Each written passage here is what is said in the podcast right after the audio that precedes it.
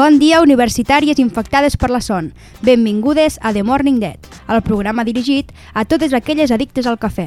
Ja som aquí un dissabte més per comentar una miqueta de tot. Avui també tenim una entrevista molt interessant, així que no us ho podeu perdre. Com sempre, estic molt ben acompanyada. Avui aquí dirigint està la Ona Jové. Eu, eu, què passa? Com esteu? Bé, bé, bé, bé. Contenta? Sí, sí, sí, sí. sí. Continuem amb la Berta Carreras, que avui està des del principi del programa. Sí, sí, cosa inèdita, tu. I Ja ha dit- tocava, també. Ens ha dit que marxa a Argentina. Sí, La tia, eh? a veure mate. I continuem amb la Núria Cugat, que no marxa a Argentina, No, que va, que pringada sóc, no? però també se va. Sí, ah, no, jo estic... Bueno, clar, jo acabaré ja la carrera... Bueno, em queden les pràctiques i el TFG, però...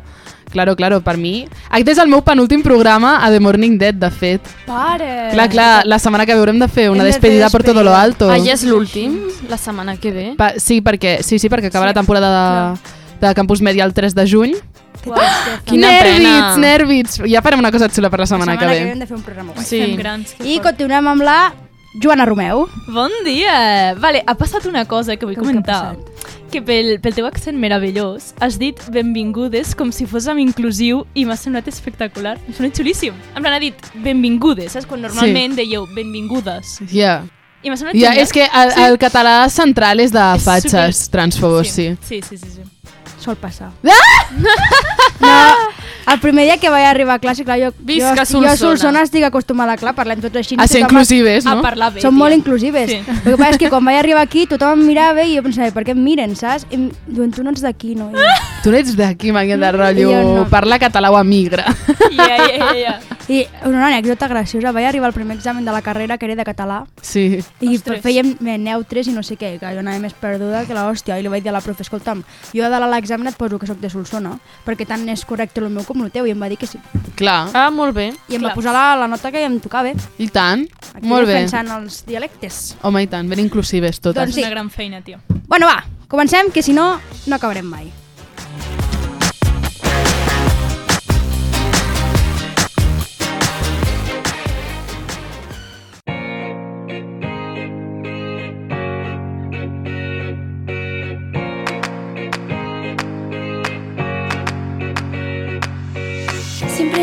Hasta más tarde despierta. Estás en todos mis planes, no te das cuenta. Siempre te miro cuando cantes y pienso, me quedaría siempre en este momento. Bueno, per començar el programa tenim una entrevista superguai que ens porta la Noelia Aguilar a otra Noelia, que és Noelia Serrano, i la que està presentant és Noelia Pérez. Sí, jo, jo això li dic. Noelia World Domination. Tenim Noelia de Solsona, Noelia de K-pop y Noelia Serrano. Benvinguda al estudi, ¿qué tal? Muchas gracias, pues muy bien, con muchas ganas de estar aquí otra vez. Esta es una de mis entrevistas favoritas al año. Para quien no lo sepa, Noelia Serrano acaba de publicar su primer disco de estudio que se llama 1919 y bueno, tenemos la suerte de contar con ella en el estudio para que nos cuente todos los secretos detrás del proceso de creación de esta primera obra de arte. Hay muchos.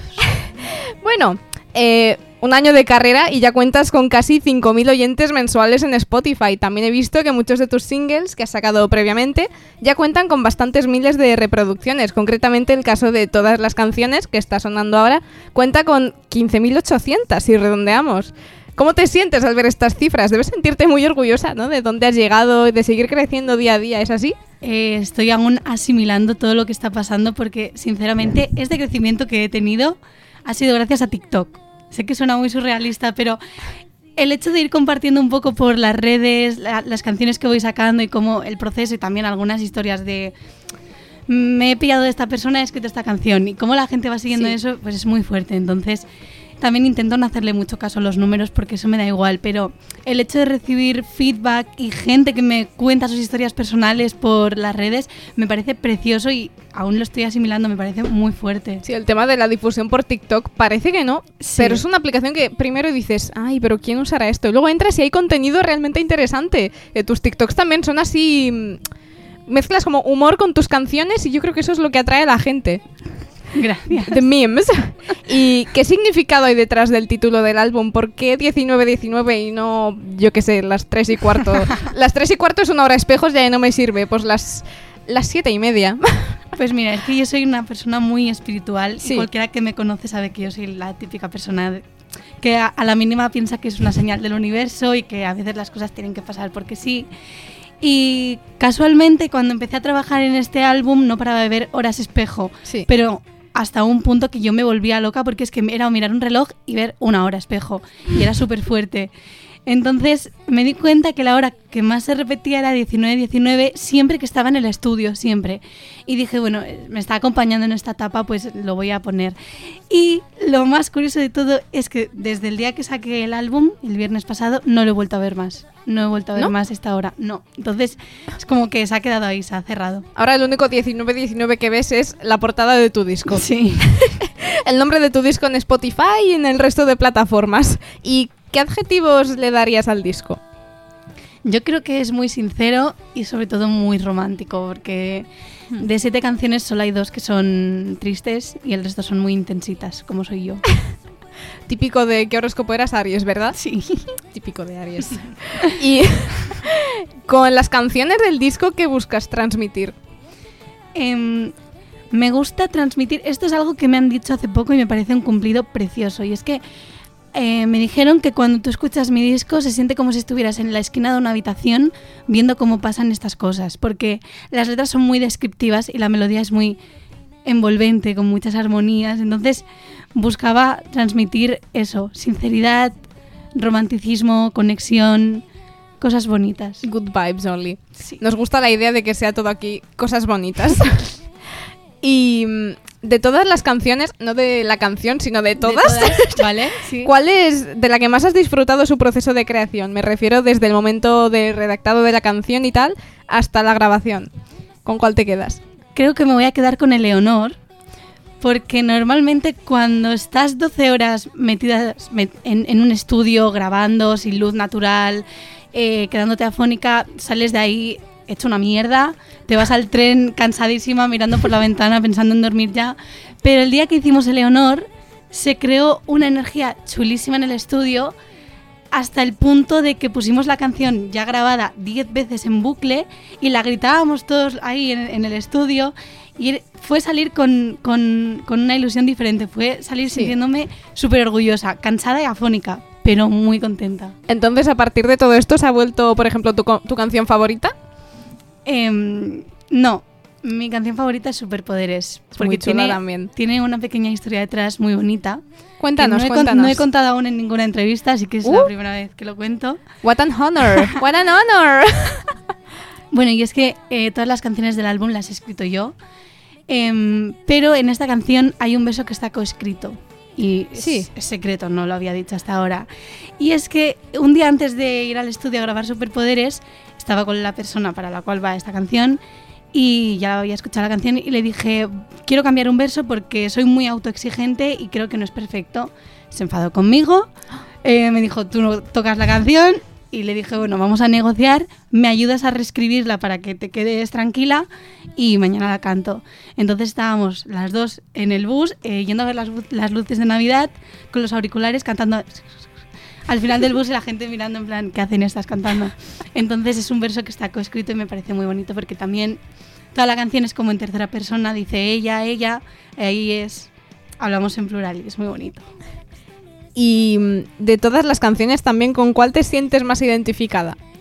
Em, seguramente te diría con No estaré, porque creo que es la canción más Aries del, del álbum. También un poco orgullosa, en plan, cuando estés llegando No estaré. Me quedo con No estaré. Buena decisión. Es que todos son buenas decisiones. Solo tomas buenas decisiones, de verdad. A la hora de escribir las canciones, ¿cuál ha sido tu fuente de inspiración o, o fuentes? Porque claro, pueden ser varias. Pues mira, en el álbum hay siete canciones y hablo de tres personas. Sí. Entonces son experiencias que he tenido con estas personas. Em, las canciones tristes son las más antiguas. O sea, que es- está bien que las Sí. más bonitas sean las más recientes. Eso significa que no me han roto el corazón aún. Lo siento por la gente que quiera una canción de desamor. De momento estoy contenta. Eso está mejor. Aunque las canciones de desamor sean muy chulas, pero no tenemos en cuenta que los artistas tienen que pasar por este sufrimiento. Es como, no. Claro, seguramente en el siguiente ahora ya sí que me, me rompan el corazón y ya se un buen temazo. Pero No deberían, no deberían. ¿Y cuánto tiempo ha pasado desde el momento que comenzasteis a trabajar en este álbum hasta el momento de su publicación? Pues yo primero estaba en el estudio sacando temas así sueltos, hasta que me di cuenta que tenía una libreta llena de canciones y dije, hay que hacer algo. Se lo dije a mi productor en una llamada muy larga que tuvimos en plan, vale, ¿qué hacemos? ¿Cómo lo montamos? Entonces yo creo que han pasado como unos siete meses eh, yendo al estudio, hablando las cosas con calma y haciéndolas, unos siete meses de preparación. Y las letras de tus canciones, bueno, has comentado que van dedicadas a tres personas, ¿verdad? Sí. Tres personas importantes en tu vida que... Claro, porque te iba a preguntar también si iban dedicadas a personas en concreto o eran situaciones que tú misma pues pensabas a los fake scenarios. Me gustaría tener esa habilidad, como tiene Taylor Swift, por ejemplo, que no la he mencionado aún en la entrevista y tenía que hacerlo. Pero, pero no, son, son para esas tres personas Sí. y las tres personas saben qué canciones son para ellas. Las he mandado. Y quién sabe, igual en un futuro desarrollas esa habilidad y puedes crear tus fake scenarios y fake situations. Me que- gustaría, me gustaría, pero como soy demasiado intensita es como solo puedo hablar de lo que siento. Típico de Aries, otra vez. Tipo de Aries. Y si tuvieras delante a una persona así random a la que quisieras darle a conocer tu música, de tu discografía entera, no únicamente de este álbum 1919, ¿cuál le recomendarías? Yo creo que recomendaría todas las canciones, la canción. O sea, todas las canciones, Sí. la canción por separado. Porque creo que es la que más ha conectado con la gente y Sí. pensaba que no, porque la canción es muy descriptiva y muy personal. Hablo de una primera cita que tuve describiendo exactamente cómo fue, pero es la que la gente más ha sentido suya. ¿Y qué situaciones dirías que son las mejores para escuchar tu álbum? Tipo en el bus mientras vuelves de la universidad y te crees main character, en el tour mundial que te pegas en la ducha. What do you think? Hay una canción que está hecha, o sea, exclusivamente la hice para ir en el bus, que es la del centro de la mitad. Es para disociar por la ventana. Yo lo he probado y va muy bien. Me la pondré cuando vuelva Eh, de- del sí. estudio. Y el resto de canciones yo creo que acompañan en cualquier cosa. Cuando estás volviendo contento a casa, cuando has tenido un día horrible, tienes las canciones de desamor, como abriéndote en canal. Está para cualquier situación, en verdad. Eso está muy bien. Y vi en tu Instagram hace unos días que viajaste a Vigo, ¿no? Para acompañar al músico Fran Perea en un concierto. Cu- Cuéntanos cómo conseguiste esta oportunidad. Em, no lo pensé mucho, pero es que hace unos meses em, vi que Fran Perea, que es un cantante al que yo sigo, porque desde pequeña Los Serrano, lo típico, me hacían la broma de... que Noelia yo- Serrano, Los Serrano. Fácil, bueno. Pues eh, hace unos meses vi que lanzó un concurso por las redes en el cual tú subías un cover de una canción suya con un hashtag y a lo mejor te cogía para ir a cantar con él en un concierto. Entonces yo vi que para Barcelona ya había cogido a una chica Ostras. y no lo pensé muy bien. A mí que me gusta Galicia, pues me apunté para Vigo, teniendo ciudades más cercas, pero eh, me apunté para Vigo y ya se me había olvidado. En plan, habían pasado dos meses, ya han- estaba yendo a la uni y de pronto veo que me envió un mensaje Fran Perea por privado. Me dice, Noelia, ¿te apetece venir a cantar conmigo mañana a un concierto? Y yo en el metro, ¿perdona? O sea, Entonces, te avisó el día de antes. el día de antes. Entonces, claro, estoy yo en el metro teniendo un ataque de euforia, eh, llamando a mi madre, no me lo cogía, yo llorando en plan, que me tengo que ir a Vigo, que tengo que comprar el vuelo, que el hotel, que si no sé qué. Eh, estuve, pido perdón al profesor de ese día porque no presté atención y se dio cuenta. Encima me puse en primera pero fila. tenías tus motivos, Pero yo estaba con el móvil, con el portátil, buscando billetes y tal. Sí. Y me lo organicé todo el día de Hostia, antes. es que Y, o sea, me avisó a las 9 de la mañana y a las 7 de la tarde yo ya estaba en el vuelo yendo a Vigo. Qué fuerte. Oye, pero habría sido. Es una muy buena experiencia y oportunidad, pero habría sido un detalle que te hubiera avisado con más antelación. tipo. Tranquilo, Fran Perea, no, no- no pasa nada. Él no sabía que yo era de Barcelona. Fue el primero que cuando llegué allí me, me saluda y me dice, ¿cómo que vienes de Barcelona? Eh, Él Y se yo, pensaba que eres galega. "Eh, puede ser, puede ser. Y bueno, ¿cómo valoras la experiencia? Imagino que muy bien, ¿no? Fue increíble, fue también un poco locura que en medio de época de exámenes y trabajos yo me vaya por ahí, dejé el móvil, no, no miro nada, pero me gustó muchísimo, estuve cantando con uno de mis cantantes que más han marcado mi infancia, me estuve tomando un café con él, me dijo que escuchaba mi música y entonces yo ya me quedo con eso, que a, a Fran Perea le gustan mis canciones, esto lo puedes poner de, de titular si quieres, es muy fuerte, o sea, es muy fuerte, es muy fuerte. Noelia Serrano, Y- dos puntos. A Fran Perea le gustan mis canciones. Y fue increíble porque encima me acompañó una amiga que también, un besazo enorme porque también dejó los trabajos y todo y se vino conmigo a Galicia. Fue increíble. Bueno, viene bien. De hecho, dicen que antes de exámenes y tal, que no estemos siempre encerrados en casa, ¿no? Que salgamos a hacer cosas, pero tú te lo has tomado muy en serio y te has Sí, ido a la otra punta del país para tocar con uno de tus ídolos. En verdad, a ver, es nivel. planazo, o sea, es un planazo. Y hablando también de ya de conciertos, una primera toma de contacto así con los escenarios, ¿tienes previsto ofrecer conciertos para promocionar el primer disco? Estoy trabajando en ello. Mm, Pronto voy a poder decir algo por mis redes. Que vienen todos cositas? atentos ¿Se porque cositas? sí, habrán sorpresas. Se está planeando todo, pero sí. Perfecto, pues hasta aquí la entrevista con Noelia Serrano. Recordad que podéis escuchar su disco 1919, está disponible en todas las plataformas de streaming. Y eso, os animo a que le deis una oportunidad. Pues muchas gracias por tenerme aquí. Y solo quiero despertar. Estoy en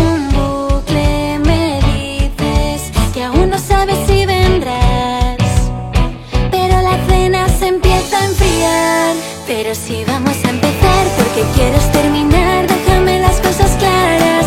Porque no sé por qué de luchar. Si te quedas o te vas, es un juego de tirar y aflojar. Y no me dejas escapar, me quieres retener, prefieres retrasar cualquier final. Y es que te va bien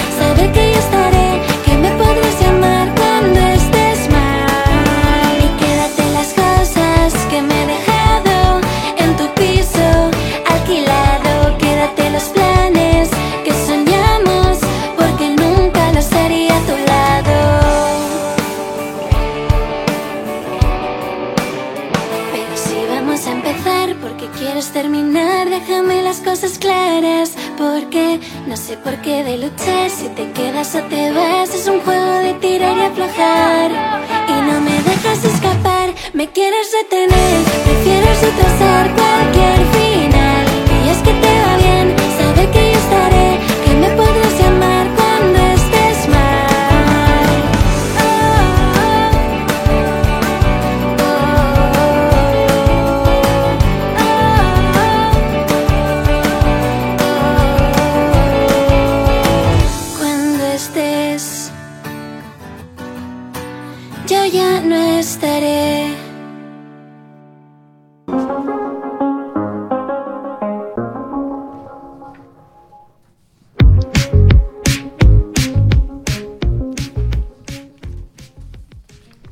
Bueno, una jove que ens portes avui la cartellera, no? Què passa, amics meus? Anem a comentar una miqueta la música. Sí, anem a comentar la música, eh, però abans eh, m'agradaria comentar eh, les novetats audiovisuals que s'estrenen aquesta setmana. Molt bé. Vale? Senyor, cálmese. És broma, què passa, amics? No. A veure, comencem doncs per les sèries. Vale? Uh, aquesta setmana s'estrena Obi-Wan Kenobi, que... Com? Ah, cago en la... I don't speak English. Obi-Wan Kenobi, vale. és la, la nova sèrie de Star Wars que recupera, fa un spin-off del personatge aquest interpretat per eh, el de lo impossible. S'ha Sí, manat? S'ha manat el ah, nom? El Iwan McGregor. Sí. Ewan Exacte, McGregor. l'Iwan El senyor, McGregor sí. i doncs és com la, la història que li passa a este hombre i pues, un spin-off. I també una altra sèrie que s'ha estrenat ahir, es va estrenar ahir, va ser Stranger Things 4.0. Ui. Ai, 4.1. espera. 4.1. Vale? No estem Que no mi 4.0. El Stranger Things, el volum 1, que és com el que van fer amb, amb la Casa de Papel, que van sacar la temporada 5, volumen 1, parte 1, pues parte 2, pues aquí han fet igual amb Stranger Things. I bueno, que estem superint. A veure, el, que he vist i tal, és que serà una temporada molt més thriller, molt més sangrienta, més gore i amb trames de més por, la veritat. En sèrio? Sí. O sigui, us haig de dir que per mi Stranger Things ja em feia por, eh? Vull dir... Hombre. Sí, no, a mi jo, la- a la- partir de determinada hora de la nit ja no ho mirava, en plan, no, no Sí. dormiré. La... Millor amb algú. Exacte. La última temporada va fer coseta ja, eh, et diré. Sí. Sí. Jo us volia preguntar, val la pena Stranger Things? Sí. Sí. A mi no m'agrada. l'he Sí. És molt entretingut. Està guai. Sí. Potser I a més, mola perquè veus l'evolució dels nanos. Bueno, jo la vaig començar Sí, a veure quan va sortir, o sigui, Sí. potser... Sí. Perquè va sortir 2017 i la vaig veure doncs, 2018, por ahí, i veus, i ara els nanos estan... Sí, Sí, sí. enorme. Enorme. és que són com de la nostra edat, Sí, no? quasi. Vull dir, clar, Clar. sí, sí. Sí, sí, i flipes. Carinyos. Ai, pues sí, pues nada, que, que a mirar tots Stranger Things, perquè en el fons també el, el retro que ens porten, el vintage, Sí. L'estètica... l'estètica Sí. Mola, mola. és super mega chula. Pues eso, eh, Super mega xula. a tope. Pues ahora anirem a la música. Estrenos. A ver, ¿qué nos llevan? Esto... Ay, las discográficas hoy en día. Things haven't been quite the same. There's a haze on the horizon, babe. It's only been a couple of days and I miss you. Mm, yeah. Que guai, no? Aquest groovy, tio. Mola. Aquest és el Harry Styles, que com li dieu vosaltres? Enrique Estilos. Enrique Estilos. Exacte. Ens presenta Late Night Talking, que forma part del seu àlbum aquest superxuli que ha tret. Que, que es diu... Què m'has diu? Eh, Harry No sé, Ona, House, Ona, no has Harry's fet els House. deures, eh? Però si està apuntat, a una. Harry's House. Harry's House, sí, ho he dit, ho he dit, ho he dit. Ah, és això. Harry's House, vale? que bueno, realment està a casa seva. És... Ens porta la importància del concepte de home que té i de casa seva. I que en el fons doncs, és com molt groovy i, i presenta molt l'estil que porta ara. Que a mi m'agrada aquest Charlie. A mi m'agrada molt. Aquest Harry. Us agrada? a vosaltres us agrada Charlie. aquest, Aquest Harry, sí. A mi m'agrada molt. I l'altre És el que més veure- m'està agradant, aquesta versió d'ell, crec. Exacte. I no pare d'evolucionar i vaig veure un vídeo que el comparaven amb el, potser és una mica agosarat, amb el David Bowie, com un artista això que no pare de mimetitzar-se i crear noves coses i Bueno, transformar-se constantment. jo crec que li falta trajectòria, Sí, però sí. bueno, que, que no, apunta bé, apunta bé. Sí, Sí. exacte. Pues que guai. Sí, sí, seguim-lo escoltant uns minutets. We've been doing all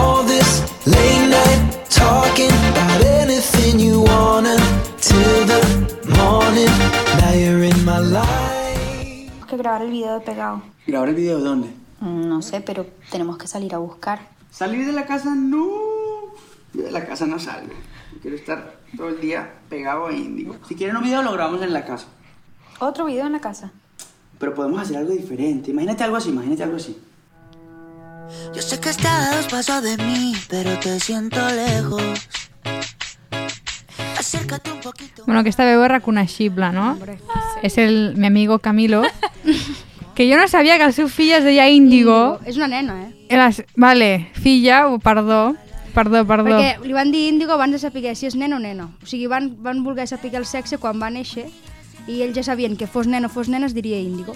Ah, interessant. Pues molt bé, eh? mira, informació. Que datos, eh? Que, que bé, Són que bé. datos. Que jo no sabia que la cançó d'Índigo, la de Porque llego a mi vida... Clar, Ah, això és vale. quan es van quedar embarassats i ja sab... i van posar índigo perquè ja sabien que el bebè, es digui, si és nen o nena, es diria índigo. Que guai, Guai. que xuli. A més, te... Acro, acroyoga, me encanta. Que No, guai, a més- que xuli. Ai, a més, o sigui, és super mono. El, és molt perrofla, el Camilo aquest. El... pe- bu- bu- Què? Digues, digues. Camilo és perrofla, jo no el trobo perrofla, jo No? el trobo més hipster. no Això, sé. bueno, Hippie, no? Potser, no sé. hippie. Ui, putos hippies, eh? Aviam, jo crec que aquella família són una miqueta una secta, no? Sí, Aviam, en quin un poco- sentit, secta? O sigui, és tot molt, jo que sé, jo sé cotilleos i un Sí? poco... Donem Sí. Sí, a veure, digues, digues. Jo és que no estic enterada No, d'aquest tema, tema. bodes i tema, no sé, famílies, tot com molt, Molt catò molt familiar. catòlic, però Ah. alhora com és molt religiós, tot molt raro, molt... Ja. Mm, mm. Bueno. No sé, no sé, no sé. Van tot el dia descalços, Hippies, són carrer, hippies. Són sí. hippies. Però vull dir, amb els diners que tenen, hòstia, Il·luminats. Doncs també que segueixin així amb aquest estil és que va en sèrio, no? Perquè, hòstia... Mm. És broma, però ja no lo és. Però és veritat que Camilo, les cançons, jo crec que totes com sonen més o menys igual, però Sí. totes enganxen, tio. El tio, el Sí. tio té algo que, que tots són temazos. que no quepa el aire entre tu cuerpo y el mío. Pegado, como en iglesia de barrio pegado, como lengua en vaso congelado,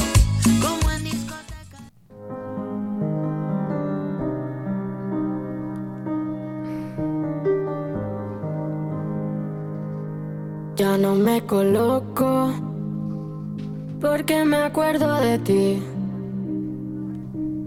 Le canto al espejo. Bueno, això és l'una aquí, que arriba amb Dispara. És un single del seu nou àlbum que es diu CL349. N.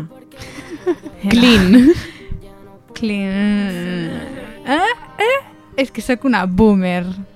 Clean, vale. Ara està de moda, no? Com la Rosalia Com va la fer lo del Rosalia. GN... Bueno. pues, eh, és, o sigui, és una balada electrònica que parla amb el desig de trobar-se amb la persona que estaves enamorada, broken hearts all the time, i bueno... Sí. No sé, a mi m'agrada molt la Luna aquí i la, pre- la cançó que va presentar a Eurovision a mi m'agradava, eh? És que l'una aquí va, va com apuntar-se a Eurovisió per defensar l'autotune.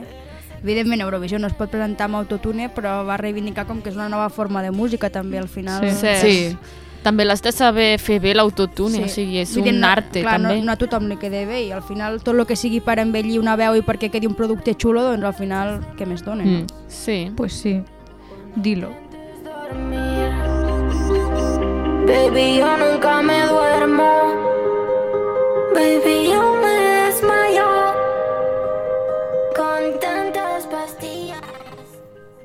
tantas y no he podido, lo he intentado por unas cuantas. Caí en la trampa, tu sonrisa me encanta y la cara que pones cuando te atragantas por dentro eres un ángel. Això és Cupido. Yay!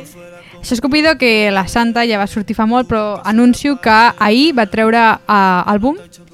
Eh. Va treure un nou àlbum, sí, que es diu Sobredosis d'amor i ja estan totes les cançons disponibles i bueno, a mi m'agrada perquè la seva vibra m'encanta Sí, també. I, i les cançons, i la lletra me les sé totes, tio. Sí. Ai, Molt que ben, ben, molt de gust un contingut nou de Cupido, la veritat. Pues sí. sí. vull que algú em canti de Broken Hearts i de...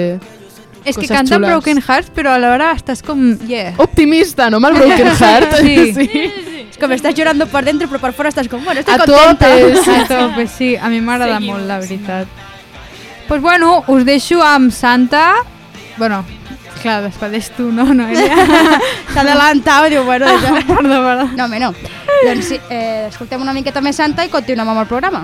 Vinga, gràcies.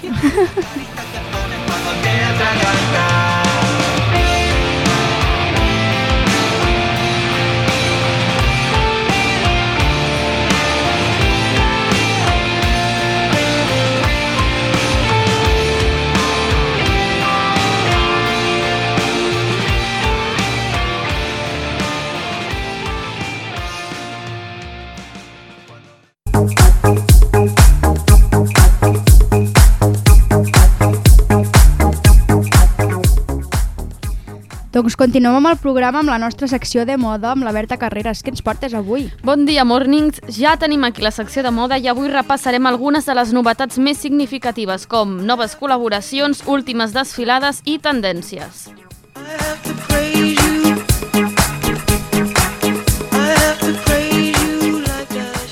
Comencem amb la col·laboració de Jacquemus i Nike. La meta d'aquesta unió és ampliar l'oferta de les esportistes de gènere femení. És una collab 50-50, per tant trobarem l'estil mediterrani i francès de Jacquemus, d'estil relaxat i inspirat en la natura, junt amb l'enfoc esportiu de Nike. Han combinat la moda i l'esport de manera que transmet l'idea de poder practicar l'esport a qualsevol moment del dia i vol plasmar un estil de vida sa i saludable. Està previst que la col·laboració surti al mercat el pròxim 28 de juny a la botiga online de Jacquemus i a les botigues Nike a nivell mundial. I passem a la nova col·laboració de Givenchy i Disney. I és que últimament confirmem que estan de moda les associacions amb les marques de luxe amb Disney, ja que fa poc vam comentar eh, als passats programes la col·laboració de Disney amb Stella McCartney. I és que ara la col·laboració és amb Givenchy i la casa francesa farà una col·lecció amb el gegant estadounidenc de l'entreteniment, sota el nom The Wonder Gallery. El projecte adopta una edició limitada amb samarretes i dessuadores amb caputxa. I la venda es durà a terme únicament a la botiga online Givenchy amb preus que oscil·len entre els 500 i 800 euros. Mm, en fi, eh, no ens ho podem permetre. eh, aquesta sí per això, perquè és una col·laboració més, bueno, d'Inditex, Stradivarius amb Patxà, no? I és una mica, o bueno, bastant més assequible a les nostres economies. Eh, I és que aquesta unió tan famosa amb la discoteca ibisenca de les Cireres és una proposta molt encertada per l'etapa post-Covid que s'està emplenant de festivals i concerts de música. Té una inspiració Coachella també, però portat al terreny retro de la moda disco dels 80, 90 i 2000. Podrem trobar estampats psicodèlics, roba de setí, peces de crotxet i molt brilli-brilli. I també hi ha peces més arriscades que altres i que, bueno, hi ha coses més bàsiques com crop tops o samarretes. Inclús també hi ha complements i calçats. Seguim a par i passem a parlar de les sabates Balenciaga d'edició limitada que han creat una gran controvèrsia. Aquesta col·lecció s'anomena Paris Full Destroyed i el nom està ben trobat perquè es tracten de les mítiques Converse però amb aspecte totalment destruït, deteriorades i desgastades. I la broma d'aquestes sabates és que costen 1.450 euros i clar, això és el que ha creat aquesta controvèrsia, no? Els models que es poden trobar ja són Converse de tall alt com baix, en colors negre, blanc i vermell. I la conclusió del públic és que són articles de luxe fets per semblar pobres. I de fet alguns comentaris que s'han fet al respecte són els següents. Eh, algun usuari va comentar, suposo que només està bé semblar pobre però no ser-ho realment, quina broma. Un altre va respondre a la pregunta que acompanyava el post preguntant a què feien olor? amb un to irònic. I un altre usuari va comentar fa olor a gent rica que romantitza els pobres i els sense sostre. Pel que fa a la sostenibilitat, un altre va escriure espero que hagin practicat un disseny basat en els, redis, en els residus i hagin tret aquestes sabatilles directament dels abocadors perquè seria una genialitat, o sigui, suposo que hi ha opinió de tot, però bueno, Però què una fort... mica raro. O sigui, les estic veient ara a la pantalla i és que estan destrossadíssimes. O sigui, no és que estiguin brutes, no, és que estan destrossades. No, no, per això, Paris full destroyed. Destroyed te lo aseguramos que està. O Molt sea, fort. Però és que això també ho fem nosaltres. 1.450 euros. Mm. Ja. Quina estafa, no? O sigui, I a part, el que em fa gràcia és com que es vengui com a, a producte a ser promocionat, saps? O sigui, no és com pues, un artista conceptual ha agafat unes Converse que són això pues, molt emblemàtiques del capitalisme, del consum de masses, etc etc i les ha destrossat, saps? Que, vale, ok, podríem fer, fer aquí una, una anàlisi així Mm. eh, cultural xungo, no? Però és com, no, no, no, s'ha pensat això com per vendre al mercat, saps? O sigui, és que em sembla com super ofensiu, o sigui, jo estic molt amb el Sí. comentari del principi de només sembla guai anar destrossat i semblar pobre si realment ets ric i pots pagar 1.450 euros per semblar pobre. Sí. Que Vull sembla dir, una burla total cap a o sigui, és un doble elitisme Sí. sí. molt heavy, en plan, mm. bueno. Sí, sí, realment és una cagada, perquè a la gent no li ha agradat. I bueno, deixem la polèmica i parlem de l'última desfilada de Louis Vuitton. I la desfilada Creuer 2023 recull inspiració de les deses gregues, la mitologia i les superheroïnes. El director creatiu Nicolas Guesquier ha fet una col·lecció únicament femenina traslladada a la idea de la mitologia de la dona. S'ha fet una transició del futur al passat i les peces representen el futur amb acabats metal·litzats, lli, teixits, tuits, tot tenyit de daurat marró i terracota. Eh, passem a parlar de l'última tendència del moment i és que estem parlant del turban. Aquest accessori pel cap prové del segle XVI i XVIII des de l'Orient. Aquest accessori es va traslladar arrel de les colònies franceses i a Versalles es va posar de moda ja que aportava un to exòtic i se'l va denominar amb diversos noms com polonesa, turca o circassiana. Actualment hem pogut veure turbans de firmes com Schiaparelli o Marine Serre. També li vam veure Jessica Chastain a la Met Gala a principi de mes, on tota vestida de Gucci recordava a una pitonissa amb el detall aquest del turban. Per tant, és possible que aquest any, a més de bucket hats i gorres, incluïm els turbans al nostre armari. I per finalitzar, comentem la desfilada de Balenciaga, on les màscares de làtex eren les protagonistes. I feia bastant mal rotllete, la veritat. Va ser una proposta enfocada en la línia Demi Couture anomenada Garde-Robe, enfocada més en el luxe de Nova York que en el street style que normalment ens tenia acostumats a aquesta firma. La col·lecció es composa de materials com làtex, cuir, samarretes oversize, tratges de xandall i una presència absoluta del color negre. A més, a la desfilada va participar la firma Adidas que va incloure pues, aquest toc de la marca de les tres ratlles. I això és tot per aquesta setmana. Mornings, ens escoltem setmana que ve. Moltes gràcies, Berta.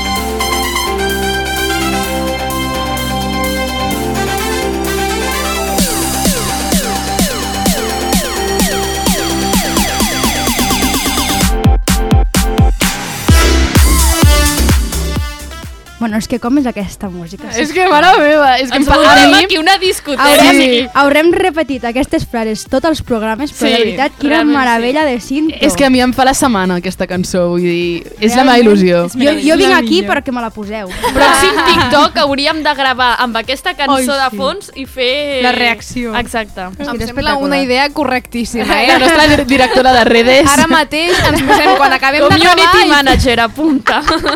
quan acabem de gravar fem un TikTok amb aquesta cinto. És obligatori. Vale. o sigui, això farà que augmenti el nostre, el nostre nombre de followers, estic segura. Que com va per ser el followeo? Som O sea, tiktokers ja, eh? jo crec que ens podem denominar actualment amb així. 25 followers i Uh! 487 likes en total. Ei, ei, ei. El TikTok Ja està. Viento en popa toda vela. Sí, Em influencers. corregeixo, 27 seguidors. Bueno. Uau! Bueno, well, well, well. Això són més de la gent que ens escolta. Pa. Hòstia, Comentaria, hi ha més el- gent que... comentaria les visualitzacions, però ja ens allargaríem massa. Oh, Hem de tornar ok, a esports. Perdó, perdó, sí. Hombre. Bueno, bueno, deixem a part community managers, anem als esports, que aquesta setmana, com que s'apropa l'estiu, també s'acaben les temporades de la majoria de les competicions. Així que comencem parlant de futbol perquè ja sabem quins són els equips que han baixat de divisió i els que han pujat. La pitjor cara de la moneda se l'han portat el Granada, el Levante i l'Alavés, que han descengut a segona divisió. I d'altra banda, els equips de segona que han ascen, as, ascengut, això és molt, aquesta, això és correcte, ascengut, Me sona raro, però ascendre. tampoc sé dir. Ascendre és, sembla correcte, però ascengut Jo diria que han pujat o han Ascendit? baixat. han pujat. Eh? Han subido, han subido i han bajado. Vale, els que han pujat de categoria encara no està exactament confirmat, però el més probable és que seran eh, l'Eibar, l'Almeria i el Valladolid. I destaquem que aquesta nit de dissabte és l'esperada final de Champions, on el Madrid s'enfrontarà al Liverpool per aconseguir el seu 14è trofeu de la màxima competició de clubs. I és que, malauradament, les noies del Barça femení del Barça van caure derrotades a la seva final de Champions contra l'Olímpic de Lyon, però estem segurs que l'any que ve tornaran més fortes que mai perquè aquestes ties són unes màquines. I, per cert, ja és oficial que Mbappé es queda al PSG i ha deixat tirat al Madrid, fet que ha portat molta polèmica. Jo, sobretot a casa meva, tinc dos madridistes i quasi ploren, literalment, perquè els ha fet tot el lío. O sigui, jo em faig fan d'Mbappé, però molt fan. El tio va dir que anava al Madrid, ja ho tenien quasi tot eh, lligat per anar, se li acabava el contracte i el Madrid ja no va eh, comprar ningú més perquè volia comprar-lo a ell.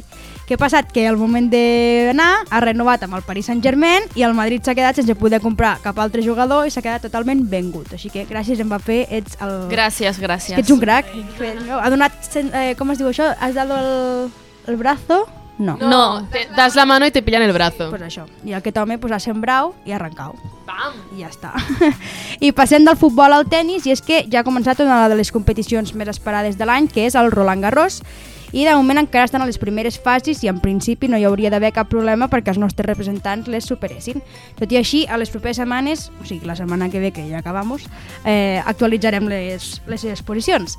I hem de parlar també de Fórmula 1 perquè, com us vaig explicar, vaig poder viure-ho en primera persona i si he de resumir-ho amb una paraula seria calor. O sigui, de veritat, quina calor que feia el circuit.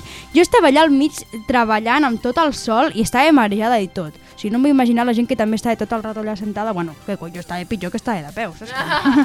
bueno, són coses del tercer mundo. Eh, I van passar un munt d'ambulàncies, perquè és que molts espectadors van desmaiar i tot, feia molta, molta, molta calor. I bueno, era el, un gran premi molt esperat perquè era el primer que es tornava a fer Montmeló després de la pandèmia amb el públic i el volum de gent era espectacular. Sisplau, molts guiris, molts guiris, molts, molts. Jo no m'entenc, aquesta gent o deu tenir molts diners o molt avorriment o no sé, perquè per venir-se hi havia gent que venia d'Argentina, de Mèxic, d'Alemanya, només per venir a veure la Fórmula 1 i marxar cap a casa un altre cop, que han tingut que pagar els vuelos, l'hotel, tot. Si us plau, podem centrar-nos. Mm, És que ja faran el teu país, ves el del teu país i ja està. No sé, és que la gent és molt pesada, no? Vale, doncs fent referència als resultats, Red Bull va fer un gran pas endavant a la competició, ja que Verstappen es va emportar la victòria i el seu company Checo Pérez la segona posició. I per part dels espanyols, Alonso va firmar una molt, nove molt bona novena posició perquè sortia últim, bàsicament, i dius, bueno, vale, a rascar o algo. I Carlos Sainz, doncs no, perquè se'n va emportar una quarta posició que és bastant agredolça, jugava a casa, ho tenia tot a favor per emportar-se la carrera, però com no, hi ha un gafe aquí que li va fer espatllar el cotxe i no va poder lluitar per la victòria.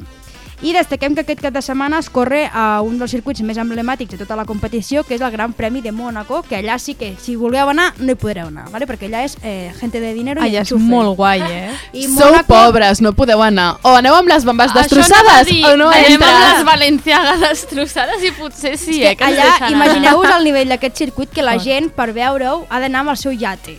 O sigui, amb el seu Hòstia. privado i des de dalt al iate tu veus la Fórmula 1. Amb qui m'he de casar? Que fort. Jo vull ser Kim Kardashian. L'any passat, el, el documental de Georgina, que vam comentar, de la, de la dona Cristiano, va anar a Mónaco amb el yate i sortien uns amics seus, saps? I li diuen, es que ser amigo de Georgina eh, no te puedes esperar nunca nada, porque un día te levantas en Mónaco, ¿sabes? Y pensando, ah, Ai, que bien. qué Vale. vida, ¿no? Qué vida, qué bien. Moriu-vos. En fin. I després ella dient que era humilde, perdona. Perdona, no sé. és Ai, que la veritat. La hipocresia. Hipotenusa. És que de veritat, hier- m'hi hierve la sangre. Mai saps si veuràs Estrella Galícia o Estrella Dorada. Uh! Nervits! es que sobre esta era ya súper nerviosos. Digo, es que no sé qué gorra ponerme, si la de Ferrari o Red Bull, porque se van a enfadar. Netos, oh! bueno, la gent és que de veritat que no. Eh, vale, i la setmana que ve torno a estar a eh, Montmeló perquè fan MotoGP, així que, si plau que no faci tanta calor, ja n'hi ha prou. Tomàs Molina, va, una Bueno, et ruixadeta. morena. Vam, vam demanar de que parés de ploure i ara s'ha passat amb la calor. Clar. Hòstia, no pot ser. I ara arribo a casa i ara plou. Ara plou. I porto tot el cap de setmana morint-me. Tomàs Molina. Hauríem de tenir aquí la Mire perquè fes el manifest antipluja que fa sempre. Ui, no, que va ploure molt després algú. Los Ja, ja. dioses es van enfadar, va ploure moltíssim. Això és així. Doncs sí, i continuem ara amb relació al bàsquet perquè hi ha dos notícies importants. La primera és que la jugadora Laia Palau es posa a càrrec del nou projecte femení del bàsquet de Girona i d'altra banda que el Baxi Manresa tanca una temporada molt històrica havent ser classificat a la Champions i haver obtingut la segona millor marca de victòries a la fase regular. I fins aquí la secció d'avui, ens escoltem la setmana que ve i la última amb més esports. Vale.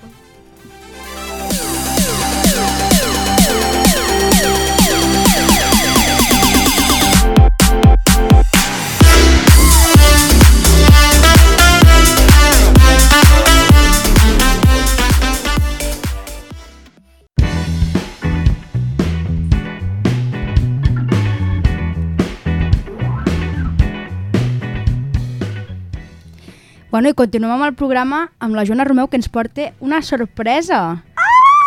Una cosa... Ai, em ai, fa ai. tanta il·lusió això que anem a fer ara. Vale, jo no sé si recordeu que en programes anteriors vaig eh, exposar-me a la plaça pública i vaig dir que... Al fòrum. que m'encanta mirar els vídeos de, de YouTube de què hay en mi bolso o 10 coses con las que no puedo vivir. Vale. doncs avui farem aquest contingut en directe aquí a The Morning Dead i he demanat a totes les meves companyes que tinguin la seva motxilla bolso, el que portin preparat aquí per fer pues, això, què hay en mi bolso. Llavors farem una versió una mica més dinàmica i a part del bolso, també per conèixer-nos una mica més i a veure què estem sentint ara mateix en aquests últims dies de primavera, que tot és molt confús i molt excitant, a part de buscar les, les tres coses de... A veure què dirà. O sigui, farem això. En comptes de què hi ha en mi bolso, perquè podem portar moltes coses i no acaba mai, us demanaré que tregueu les tres coses que us faci més il·lusió que tingueu ara mateix a dins dels vostres bolsos, motxilles, bosses, el que sigui. I després entrarem al nostre Spotify i mirarem quins tres artistes són els últims que hem buscat per escoltar. I a veure quines sorpresetes ens trobem. Jo no cutxo Spotify, No eh? cutxa, pues No, en soc YouTube. gran, soc gran. Pues en YouTube, no passa nada. O sigui, triem les tres coses que portem? Sí. Vale. Triem Vale, les tres coses. anem per passos. A veure, ara estem buscant aquí les nostres motxilles. També he de dir que portem coses diferents. Hi ha gent que porta més motxilla de perro, flaqui con toda la vida, hi ha gent que porta més bolsito elegante, cadascú va con lo suyo. Ah, vale, no sí que porto coses. Sí, vale. Jo és que vaig bastant de basic bitch estudiante. Sí, eh? jo la veritat, poca Però gràcia he ha de, tingut ha de ser un essencial o ha de ser algú random? Pues una mica el que et vingui de gust, essencial random. Oh, va, una mica essencial fa més gràcia, no? Dale. Vale. Sí, perquè si és un random és en plan, mira, doncs avui he agafat això i, i ja està. Ah, vale, llavors essencial. Sí. Clar, jo és que he agafat un paraigües i un tàper. Això, Bueno, tia, això de és menjar i t'has de protegir. Jo tengo mis tres. A veure... Ah, molt bons. Ah, els hem de deixar sobre la taula. Claro. Bueno, Expose. Expose al fòrum. Al fòrum. Vale, jo crec que també ja ho tinc. Vale. Vale, qui comença? Qui ho té ja preparat? Jo ho tinc preparat, Pues si vinga, vols. comença, vale. carinyo. vale, jo he tret un llibre, una compresa i um, el, el cacao, o sigui, la barra de, de del cacao. M'explico. Jo al tren m'adormo perquè el, el xucutxu que fa el tren no, a mi em calma molt, o sigui, físicament em relaxa moltíssim, llavors és com m'adormiria sempre. Aleshores eh, vaig decidir que eh, els 40 minutacos que tinc per cada trajecte de l'Autònom a Barcelona els aprofitaria per llegir, soc una persona superculta i superinútil al món, i llavors pues, sempre porto un llibre i a més porto un, m'estic llegint Crimicàstic, però és una edició superantiga que vaig trobar a les golfes dels meus avis. La tia ha vingut aquí a fardar d'alternativisme, sí. també t'ho dic. I és, una, bueno, és un llibre molt guai, és molt xulo, és molt antic i molt guai. Eh, estornudo moltíssim perquè mm, desprende los ácaros o el que sigui que té, però m'agrada molt i li tinc molt de carinyo i amor. Llavors, eh, el cacao, porque se me secan los labios siempre, porque yo me medico, yo me medico Jo me i se me, i, se me, i se me seca la cara. I després una compresa, perquè, bueno, sóc una pesada, sempre ho dic, que sempre estic menstruant, no sé què em passa, sempre estic menstruant, llavors sempre porto compreses i tàmpacs. I no sé, aneu a la ginecòloga recurrentment, cuideu-vos, vale? Un beso. Un beso. Berta, què tens tu per aquí? Jo, no sé, no gaire gràcia, però bueno, uns AirPods sempre van bé per escoltar música... Encara que aquests, sempre que me'ls connecto, mai tenen bateria, o sigui, maldita la gràcia també, però bueno. Aigua, important. La botella està buida. Per fer pipi, està buida, confirmem, me l'he beguda tota avui. Li he comprat el José d'aquí al bar, Ai, un també. beso. I ulleres com de vista i de sol, que es munten com una sobre l'altra, saps? Oh, eh, eh, eh, Això eh, eh. important també, Que perquè si no, no guaitem. De... I ja està. Jo guaito, tu guaites. I què guaite la ona? Pues mira, jo porto um, les claus de la moto Moto mami. que, que Ei, tenen de el- clauer el Cars. el McQueen, El Rayo McQueen. el Rayo McQueen, Tia, que meta ets, no? que és que m'encanta. A més, és de relleu el, el clauer. Mare meva. I que la- amb la moto, pues, m'he... Tinc, tinc moltes marques de la moto. Després, eh, o sigui que... Ferrari, Lamborghini. No, no, en plan, me- marques al meu cos. Clar, és que he gesticulat... Que no sap conduir, vale. Ah, vale. Després sempre eh, Chicle Fai, Five, eh? Fai, Five, A veure si ens patrocinen. Hierbabuena, perquè és que estan molt bons, i el lipstick, òbviament. El Però lipstick. lipstick de Isidin, o sea, Isdin, Teen Skin Acne Ben Repair, Remember... Que ets rica. Jo, el liposan de toda la vida. El, el lipstick de les pobres, el liposan. Ja no, el meu és de farmàcia perquè... Un euro en, el, en, el, en la drogueria. Perquè quan em feia el tractament dels granos i Tu tal, també, et, em donaven això. I va molt bé. El gloss El de tota la gloss. vida. Què tenim per aquí, Noelia? Pues jo porto les claus de casa, Mhm. perquè dic sola amb el nòvio, el nòvio està a classe sempre, i pues no tinc claus, no Ens entro. agrada entrar a casa, I sí. que. Sí, seria un detall, no? Si em quedo sola aquí a Sabadell, pues no tengo dónde ir, mm, literalmente. Llavors, pues nada, les claus, un tàmpax, perquè sempre també com la Núcia sempre tinc la regla, i la tarjeta para pagar, porque encara que no hi hagi ni un duro, pues sirve para algo. A pagar, a Después yo miro, está en negativo y digo, hostia, te has pasado. Li dic, mama, fer-me un Bizum de 10 euros. I, Dame dinero. I ja està, lo bàsico. Vale, pues Noelia, ves tu també? Doncs mira, jo porto... He de, fer pro... he de fer promo aquí de coses. El rímel de pestanyes de Colossal Go Extreme, perquè jo sóc una persona que ja naturalment té les pestanyes molt llargues, però clar, jo aprofito, les, me les rizo un poco i fico, em fico aquest rímel, és molt bon. Va costar 6 euros al Lidl perquè estava d'oferta. Que vaig veure el preu original al Corte Inglés de Plaza Catalunya, 10 euros! 10 euros, o sigui, sabeu Que que és? són 4 euros menys i que és boníssim, és el millor rímel que he provat fins ara. Després també tenim pat patrocinat per Maybelline també el Lifter Gloss número 3 Moon. Vull fer aquí un petit incís, no estem cobrant per la promo, no estem cobrant per la Ens promo. agradaria, A mi m'heu però no. No és un A spot dit, publicitari. a mi m'han dit, treu el més essencial de la teva motxilla, doncs el rímel, el gloss i ara... Jo, jo soy una material girl, una motomami que sempre ha d'estar motomami. és un tono... És molt natural, és molt Com un gloss. rosita soft. Sí, ui, ui, ui. I m'agrada perquè té com purpurina. O sigui, tu te'l poses, ara no se'n veu, però Nos gusta. en el seu moment té purpurina, és molt guai. 8 euros al Mercadona. en sèrio, eh? 8 euros, eh? I després tenim els auriculars d'AliExpress sense cable perquè em vaig comprar un mòbil, tio, que no té el jack pels auriculars. Hello. Que ara tots són així, realment, eh? I clar, només té per, per, per, fu- ah, joder, per ficar d'aquests tipus C, però clar, em fa por carregar-me el forat de... per carregar el mòbil. Dic, Ai, vale, pues jo el tinc, mira. sí o què? Ui, és que saps què m'ha passat? Jo tenia AirPods i se'm va caure un al forat del tren. Jo, jo visc, jo visc amb un aquest iPod al forat i jo vaig veure el caure i vaig dir merda, tio. I clar, pues amb un iPod no hi va. Mm, Jo anava aquest matí amb... És que sempre em poso un perquè són... cara de decepció. és que a sobre mos acaben de regalar per Reis i va, va ser com... No puc... Llavors, em vaig prometre a mi mateixa que no em compraria més iPods perquè dic, vaja, està fa 200 euros i que se'n perdi un A mi em va passar igual, no, ja que vaig perdre un, i al Paqui 30 euros, uns Jo- que són rèplica igual dels d'Apple. Menys mal que aquests mira. són 5 euros, en plan... I t'escolten superbé, eh? Te anulen el ruido, són meravellosos, però clar, vaig amb la por perquè jo sóc una noia molt torpe. O sigui, jo, jo vaig amb la por que se'm caigui a la via del tren o al carrer o, o per Bueno. alguna alcantarilla. Quan veig les alcantarilles dic, és que segur que em cau. Segur que em cau! I aquests són els meus essencials. What about you, Joana? Hem creat un moment de cures preciós aquí, tothom parlant dels seus cascos, m'ha encantat. Jo ara tinc vergonya d'explicar els meus tres essencials després del teu glamour, Noelia, perquè Ets una real, Joan, ets una real. el que tinc damunt de la taula ara mateix és un tupper amb les restes de menjar d'avui, que hi ha cachitos de bròquil i maionesa. Ma maionesa de les patates que t'he convidat jo, guapa. Això és veritat, tinc Ah. una sugar mami, Sí. ja ho he dit. Ah! S'ha dit això. S'ha dit. I això hem fet, com que sempre menjo aquí la UAP, doncs sempre tinc algun tupper per la motxilla, a vegades en tinc tres de tres dies diferents i comencen a fer l'oloreta i dius uh, avui toca fregar plato, plato combinado. Exacte. Aquesta maionesa espero netejar-la avui perquè si no demà ja serà una mica perillós això. Després també porto els meus eh, mocadors, ASMR.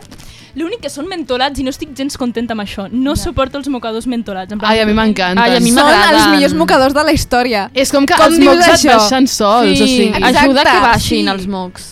Mi- m'incomoda, en plan, me vull mocar, no vull... Intrusius, són intrusius. Perquè primavera i tremenda al·lèrgia, en plan, estic sempre com el botxan con el moco. Ah. El botxan! Em falta aprendre a fer trucos. Però bueno, i també com dèiem que hi ha uns dies de, de Pluginski, no suporto mullar-me, o sigui, de veritat no ho suporto gens. I em diuen abuela per portar paraigües, perquè cap jove decent porta paraigües, però bueno. Ai, carinyo! Jo també. Jo també. Totes aquí portem paraigües. De fet, el tinc a la Sí, motxilla. sí. Però com no és, essenci no és essencial, no l'he tret perquè no és essencial.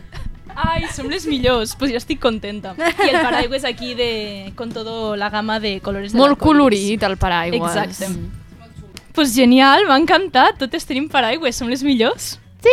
Doncs moltes gràcies, Joana. Ui, Joana. Tu què, nene?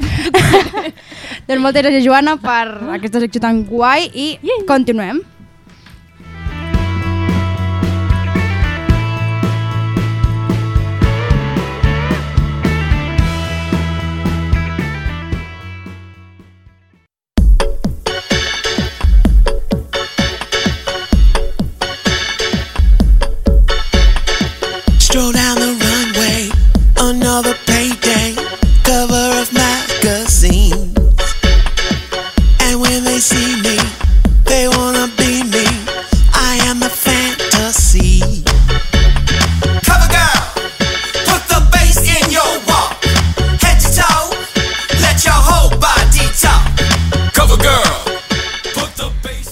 Bueno, és que estic intrigadíssima, perquè ara ve la Núria Cugat i el guió només ens ha posat Maricas 1, Maricas 2, Maricas 3. Sí. Què és això, Núria Cugat? sisplau? Vull reivindicar que aquí som majoritàriament mariques i que poc se'n parla. Bueno, no, sí que se'n parla, constantment en parlem. O sigui, Home, som... sí que se'n parla. Sí, som molt mariques de manera de. O sigui, la nostra, la nostra sintonia del programa es diu és tòxic de la Britney Spears, només dic això. dilo. Um, però volia... Eh, o sigui, clar, com que és el meu penúltim programa de la història de The Morning Dead i m'encanta fer llistes de 10, eh, doncs volia fer un top 10 dels meus himnes mariques. Bueno, himnes, o sigui, els meus himnes mariques, però que crec que són molt internacionalment mariques, no? Llavors he començat primer per eh, les versions americanes del mariconeo, ese del divineo, del glamour. Per això estem escoltant la senyora RuPaul, ahora mismo con su cover girl, que és la millor del món.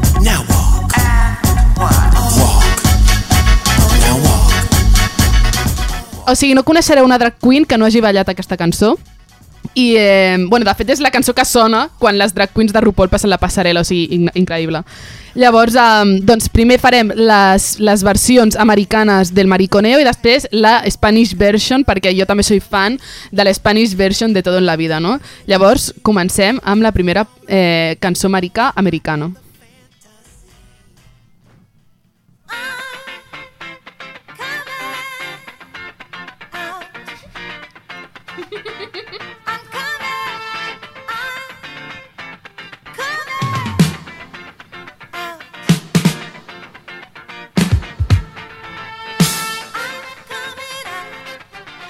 Vale, estem escoltant a Miss Diana Ross, vale, que és eh, mi madre espiritual, però clar, Diana Ross, o sigui, aquest és el fenomen que passa molt amb els gais, que un cop, és que em fa poc, li estava intentant explicar amb la meva mare quina eh, correlació hi ha entre les cançons de divas de senyorones heterosexuales, hipersexualitzades, no? hipertiarrones, no? i la cultura gay, no? perquè moltes vegades els iconos gais no són necessàriament gais, Diana Ross no era per anar de gay, però té una cançó que és increïblement gay que es diu Coming Out, I'm Coming Out, i Que aquesta fort. cançó parla de I'm Coming Out, i és com, clar, Diana, tu, tu què volies de mi?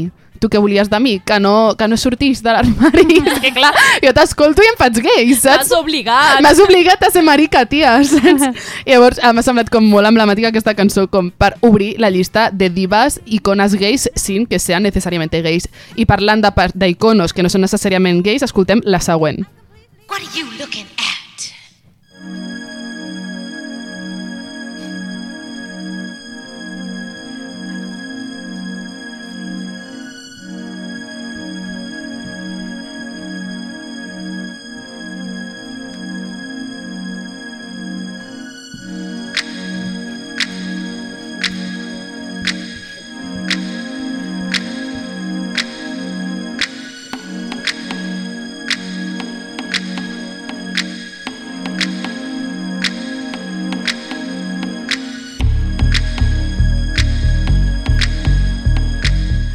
Vale, és que la intro és molt llarga, però segurament sabeu quina cançó és.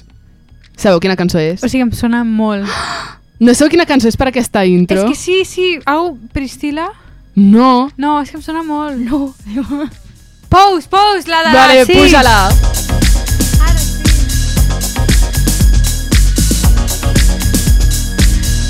La És de la Madonna. És, vale, és Vale, Vogue de vale, Madonna, vale. o sigui, Come on Vogue, eh, Let me feel the body with your music, o no sé què dice, però totes les mariques del terreny underground, de, de, de Dels los, 70, dels no? ballrooms, Sí, sí, sí, de sí ballrooms. són... O sigui, Madonna, de fet, fa apropiació cultural amb aquesta cançó perquè ella és una white girl pija, saps? Però um, white, ai, anava a dir White Girl, Vogue és una cançó que parla sobre tota la movida del ballroom dels 60 i els 70 a Nova York i, bueno, si heu vist Pose, que ara és una sèrie super mainstream, doncs ho expliquen super bé. I de fet parlen del fenomen Madonna, no? I com les negres trans eh, precaritzades és com que es volen esforçant a semblar-se en la Madonna, quan la Madonna és realment la que s'ha esforçat en apropiar-se de la seva cultura, és bastant... Eh, així com contradictori, però alhora crec que no deixa de ser un icono gay, super maricón y que todo marica ha bailado y se ha tirado por el suelo con esta canción porque es un temazo.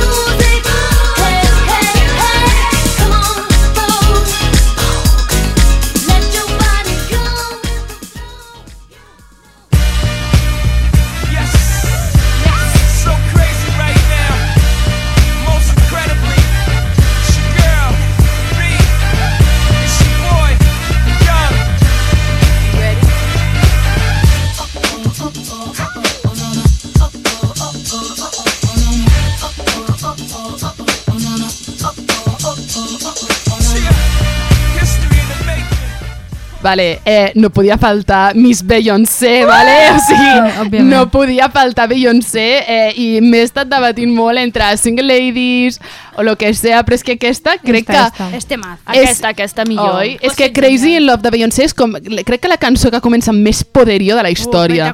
Sí, sí. O sigui, tu, o sigui, tu tens un mal dia, t'escoltes això i és que te comes el mundo. Te comes el mundo en plataformón Totalment. i en tanga i en, con mucho bling bling, saps?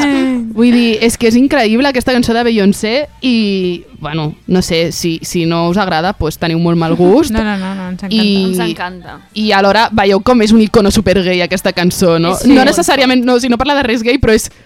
Sí, sí, és la vibra. és la vibra, és la, sí, és la, és la predisposición, ¿no? desprende. Desprende. És que Beyoncé alia de gay.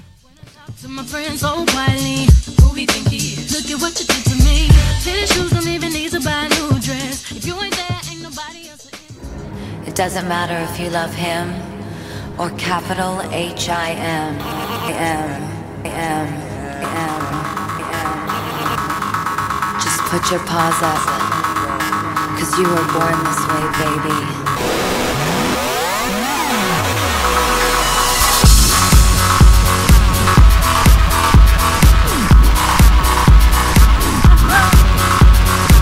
Mamá, machame. es que m'encanta, tio. És un temazo. M'encanta. Ai, no plora. És que m'encanta, tio. És un temazo. Born This Way, de Lady Gaga. I aquesta sí que és explícitament gay. Sí. O sigui, don't be a drag, Sí, just be, a queen. Whether I ja està. Vull dir. Lady Gaga, eres mi messias. O sigui, jo crec que Lady Gaga ha sigut la Jesucrista del mundo gay durant molts anys. O sigui, ara potser se li ha passat una mica... Ai, puja-la, puja-la. Que és boníssima. I'm beautiful in my way,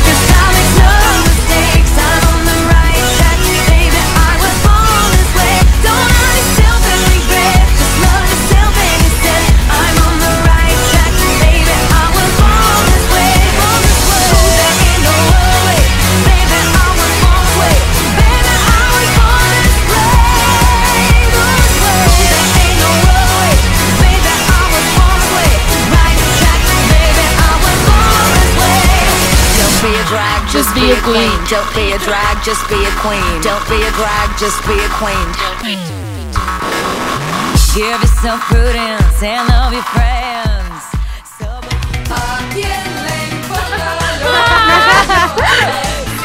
La transición española.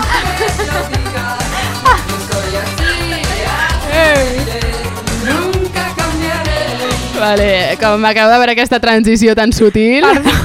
Perdó, perdó, que no pasa nada, m'ha encantat, m'ha encantat. ¿Cómo pasar de Lady Gaga a Alaska? Es No sé, solo hazlo, ¿sabes? solo hazlo, just do it. Vale, pues comencem amb el mariconeo espanyol. Evidentment, crec que s'havia de començar amb la, amb la Fangoria. Alaska, eh, no sé, és la, és, la, és la Virgen Maria de los maricas aquí a Espanya, també de los negacionistes, tot s'ha de dir. Però, no sé, molt agrair-li a Alaska, molt agrair-li. I ben bé que ara podem parlar del segon icono gay negacionista d'Espanya, que és... Seré tu amante bandido, bandido. Corazón, corazón malherido. Seré tu amante cautivo, cautivo. Seré... Oh. és és boníssima.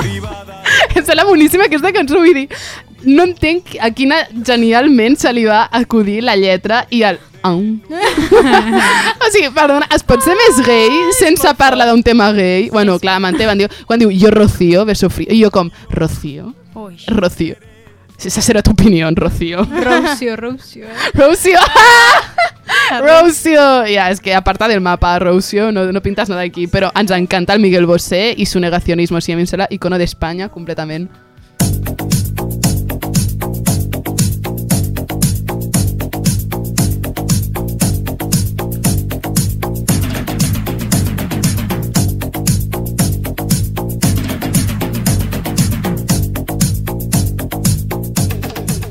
Vale, no sé si us està sonant per la introducció aquesta cançó. No, ara no hi caic.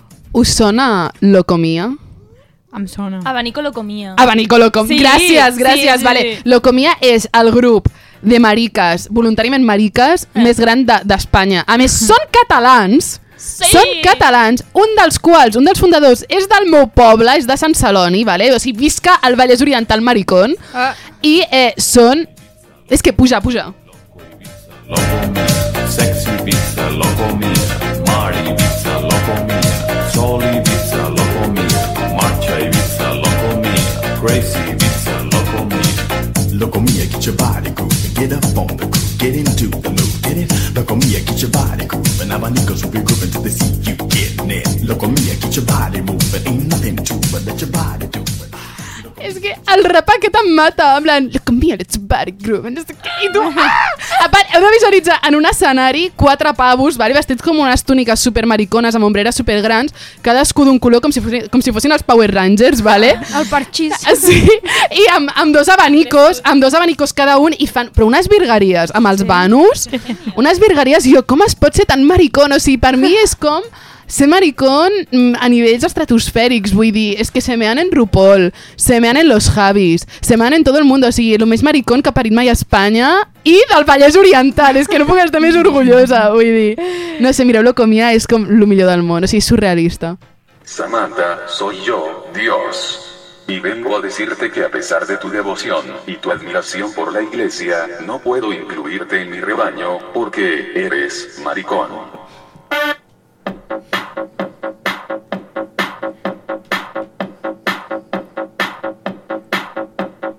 Soy maricón y me encanta la iglesia, pero no me dejan entrar porque monto gresca. Siempre llevo top y minifalda, soy muy fresca. Y se ve que a las monjas eso les molesta. Soy maricón y me encanta Jesucristo, pero eso no le importa. Bueno, Samantha Hudson, reina i senyora de mi vida. Jo crec que he parlat tantes vegades de Samantha Hudson que em faig sí. pesada, però no sé, jo no em rendiré fins el dia que ens coneguem i siguem millors amigues, perquè el dia que ens coneguem serem millors amigues. Això, això és com, serà, o sigui, amor a primera vista. Eh, evidentment no podia faltar a la cultura espanyola el maricón de Samantha Hudson que Per va fer per al seu TDR de, de segon de batxillerat. És molt fort aquesta cançó. Sí. Perquè pots explicar una mica el context, en plan, com ho va fer o... El context és que havia de fer un treball de recerca i va decidir que el seu treball de recerca seria com els homosexuals no són acceptats per, Per la iglesia. per l'Església Catòlica no? i la seva relació personal amb, amb Jesús. Perquè a part ella ho diu, en plan, no és que tingui una mala relació amb l'Església, és que ella el que flipa és que ella sí que té una certa espiritualitat i que trobava cert confort en la figura de Déu i en la història de Jesús no? i tal, i el que li flipava és que no pogués ser un maricón creyente, saps? O sigui, no és perquè no volgués, perquè no es volia inserir en la institució de l'Església, sinó és, és no ho soc perquè no m'esteu deixant. O sigui, ell, ell, o sigui, ella no tenia cap problema en ser maricón i creyente, saps? Ja, ja, ja. I és el millor del món. O sigui, Samantha Hudson és dels millors personatges del món, també a nivell discursiu i teòric, o sigui, escolteu-la fent entrevistes parlant d'art i de política perquè és, mm, és mi mujer, és mi futura mujer.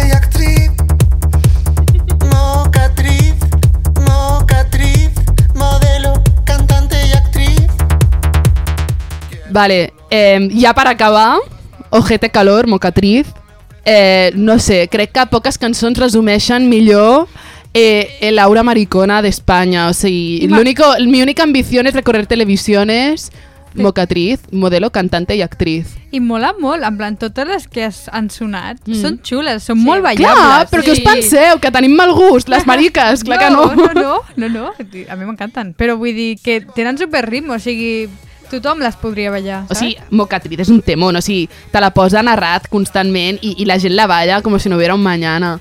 A part és que tothom és una mica mocatriz, tothom ha volgut, ha volgut ser o modelo, cantante o actriz o tot alhora. Sí. O sigui, tothom vol ser Marilyn Monroe, saps? Però, claro, no se puede, querida. Si és tan fàcil, fes-ho tu, saps? Però podem fer una cançó cutre fiestera per celebrar-ho, o sigui, per celebrar el fracàs col·lectiu de Exacte, totes les mariques que no són Marilyn Monroe, saps? I Però. I això és la cultura espanyola. I amb aquest superhomenatge us deixo per aquesta setmana. Ole. Moltes gràcies. A tu.